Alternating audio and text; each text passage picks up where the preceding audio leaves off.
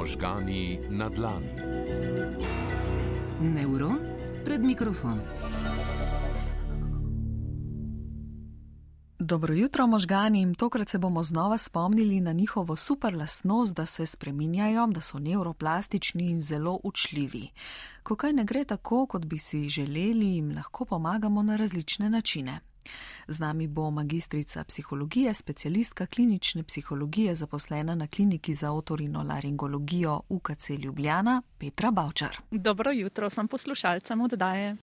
Magistrica Bavčar je tudi vedensko-kognitivna terapeutka. Za očeta te terapije pa velja profesor Aaron Beck, psihiater, ki se je v visoki starosti poslovil v začetku novembra.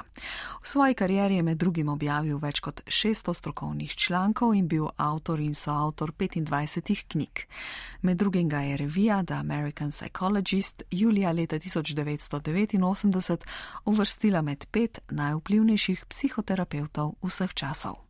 Aaron Beck je bil seveda, kot ste že vi povedali, zelo pomemben uh, za psihologijo in predvsem v bistvu za vse um, vedensko-kognitivne terapeute. Doživel je sto let svoje starosti. Jaz mislim, da že pravzaprav uh, ta njegova starost pove, da je znal zelo kvalitetno živeti. Uh, je pa pravzaprav tudi zelo kvalitetno poskrbel za vse mlajše rodove terapeutov, zato ker je v bistvu na nek način oblikoval uh, in je bil začetnik kognitivne terapije in tudi v skladu z to njegovo teorijo ne, se je na nek način oblikovala kognitivno-vedenska terapija. Zdaj, logika um, njegova je pravzaprav bila oblikovana na kritiki tistih prejšnjih oblik terapij. On, ko je delal z depresivnimi pacijenti, je ugotovil, da je za večino oziroma za vse te pacijente značilno, da imajo kognitivno triado. Kaj to v bistvu pomeni? Ugotovil je, da so za njih značilne misli vezane na sebe, na svet in na prihodnost. In sicer te misli so bile povezane na ta način, da so te ljudje mislili o sebi, da so slabi, šipki, uh, o svetu so razmišljali uh, na način, da je svet zelo slab, neugoden, uh, in o prihodnosti so razmišljali na način, da prihodnost njihova je pravzaprav slaba. In na podlagi tega je oblikoval svojo teorijo, ki jo zdaj psihoterapeuti zelo spridom uporabljamo. In kot kažejo v bistvu vse raziskave, uh, je vedensko-kognitivna terapija. Ena ali pa celo najbolj učinkovita terapija v zelo različnih settingih, tudi v zdravstvenem settingu, kjer delam jaz. Če se je sprva profesor Beck zlasti posvečal depresiji in anksioznim motnjam, se je skozi čas torej to vrstna terapija začela uporabljati za cel spektr težav. In ker nas v jutranjih minutah zanimajo predvsem možgani, velja omeniti, da obstaja tudi vrsta raziskav, ki so preučevale možganske spremembe po zdravljenju z vedensko kognitivno terapijo. Res je. Zdaj, uh, terapeuti v sami terapiji se v resnici ne ukvarjamo vsakokrat s tem, da potrjujemo tudi, do kakšnih sprememb pride na možganih, ampak zagotovo v bistvu ocenjujemo, ali smo dosegli s pacijenti cilje, ki smo si jih zastavili. Ampak v bistvu veliko raziskav je pa pokazalo, da v bistvu se v resnici po vedensko-kognitivni terapiji spremeni biologija oziroma neurofiziologija možganov, delovanje možganov, če poenostavljeno povemo in kaj se v bistvu ugotavlja. Če so recimo gledali z slikovnimi preiskavami pacijente pred začetkom terapije, a ne so videli, da gre za neko neugodno delovanje možganov, se pravi, aktivnosti v tistih delih možganih so bile prisotne, kjer je bilo pravzaprav uh, pove, v povezavi z njihovim funkcioniranjem dokazano, da gre za neke neprimerne načine uh, delovanja. Ko so gledali po končani terapiji, pa so videli, da je prišlo do nekega spremenjenega delovanja možganov.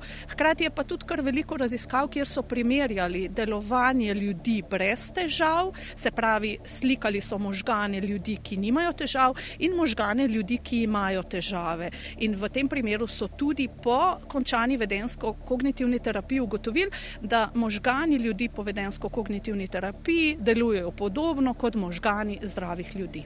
Recimo čisto plastično, če je pri anksioznosti povečana naša amigdala, ki jo naše poslušalke in poslušalci, pa mislim, da če so redno z nami v četrtkih, že dobro poznajo, se potem zgodijo spremembe in se zmanjša Točno to in tudi delovanje v teh limbičnih delih možganov, vse v takih primerjih, ki so odgovorni za čustva, se delovanje zmanjša, stabilizira uh, in v bistvu to se posledično kaže uh, tudi na delovanju in vedenju uh, teh ljudi. V možganih na dlani smo v svet vedensko-kognitivne terapije že pokukali, ko smo se naprimer ukvarjali s strahom pred letenjem, pa strahom pred višino in tudi športno psihologijo. Vseh preteklih 315 epizod najdete v spletnem arhivu na prvi.rtvslo.si. V tokratni epizodi je z nami magistrica Petra Bavčar in zanima me, če je v njeni praksi kakšen primer vedensko-kognitivne terapije ostal še posebno v spominu zelo pogosto delam tudi z ljudmi, ki nastopajo, recimo s pevci. Pa mogoče, ker smo si tudi pol kasneje izbrali en primer, sem pol pomislila pravzaprav na te ljudi. Seveda, eh, z pomočjo vedensko-kognitivne terapije so nekateri uspeli premagati tremo in uspešno nastopati in mogoče narediti tudi kakšne pomembne izpite na Akademiji za glasbo in podobno. Tako da v bistvu v mislih imam zelo veliko pacijentov, ki jim terapija pomaga. Možgani na dlani. Pa si zastavimo še en konkreten primer, v katerem se bo marsikdo našel. December, zaključne prireditve, druženja, slavja, koncerti, nastopi, v mislih imam seveda dobre stare čase. Pred celotno dvorano, auditorijem, sodelavcev in podobno morate nastopiti z nagovorom. Vi pa imate neznosno tremo. Zdaj, kot že ime vedensko-kognitivna terapija pomeni, se vedensko-kognitivni terapeut ukvarja na eni strani z vedenjem posameznika, na drugi strani pa z mislimi, s kognicijami. Zdaj, kar verjetno, ne, zdaj vemo, da se že bliža novo leto, ne bi bilo časa za to, da tako osebo pošljemo na neko učenje nekih komunikacijskih veščin, bi nam ostale predvsem kognitivne tehnike, se pravi miselne tehnike. V tem primeru bi se v prvi vrsti ukvarjali uh, z osebo na način, da bi v prvi vrsti prepoznal misli, ki mu grejo čez glavo in te misli bi zagotovo bile odgovorne za njegovo tremo. Zdaj predstavljam si, da bi bile to kakšne misli, povedal bom kaj naumnega, osramotil se bom uh, ali kaj podobnega. Jezik se mi bo zatikal, vsi me bodo poslušali, tam bodo tudi ljudje, ki me ne marajo, kaj če bom povedal kakšno neumnost točno to. To so primeri misli, ki jih ima oseba, ki potem tudi doživlja tremo pri nastopanju. In zdaj prva faza v terapiji je, da prepoznamo te misli, da razumemo, da so pravzaprav te misli odgovorne za povečano tremo.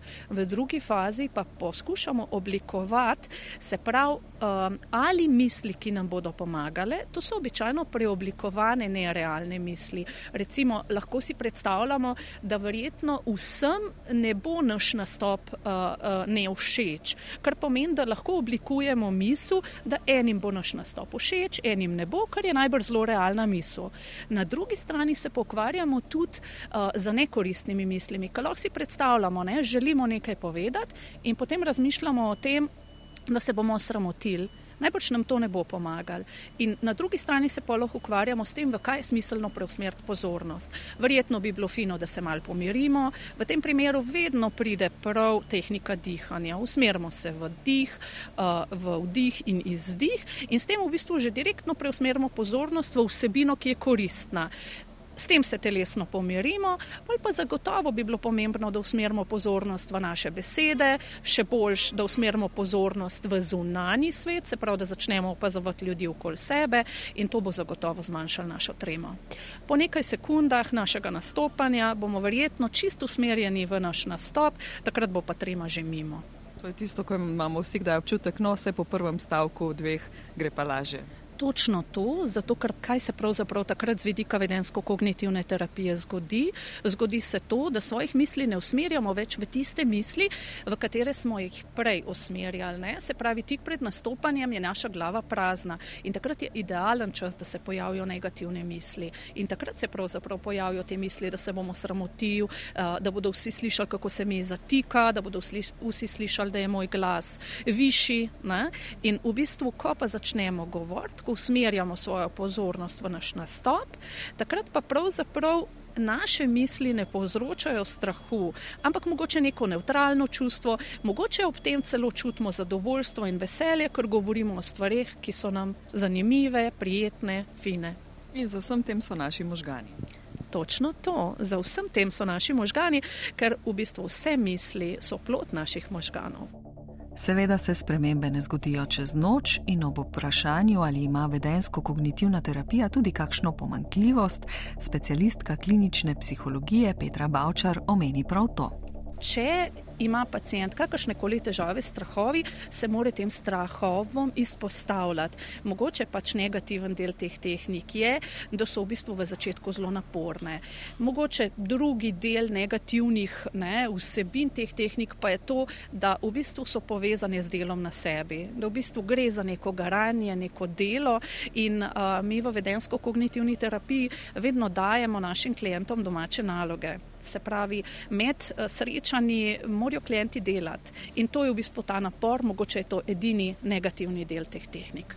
Magistrica Petra Bavčar, vendarle smo decembra, malo smo že slavnostno, svečano razpoloženi. Kaj bi našim možganom zaželeli v letu 2022? Ja, jaz bi jim zaželela čim več realnih in čim več koristnih misli. In mislim, da na ta način, tudi če bomo še naprej doživljali malo težje čase, bo mogoče ta stres, ne mogoče, ampak zagotovo bo ta stres manjši, bolj obvladljiv. Predvsem se mi pa zdi, ne, če realno in koristno razmišljamo, si ne pridelamo nekih nepotrebnih stresov v vsakodnevnih situacijah, ki zagotovo so taki mečkani, mečkani vsakodnevni stresi, ampak ob naših uh, nerealnih ali pa nekoristnih mislih so te stresi lahko veliko večji. Tako da, evo, še enkrat ponavljam, čim več realnih in čim več koristnih misli. Možgani na dlani. Neuron pred mikrofon. Najlepša hvala magistrici Petri Bavčar in vsem vam, ki ste bili z nami v svetu neuronov.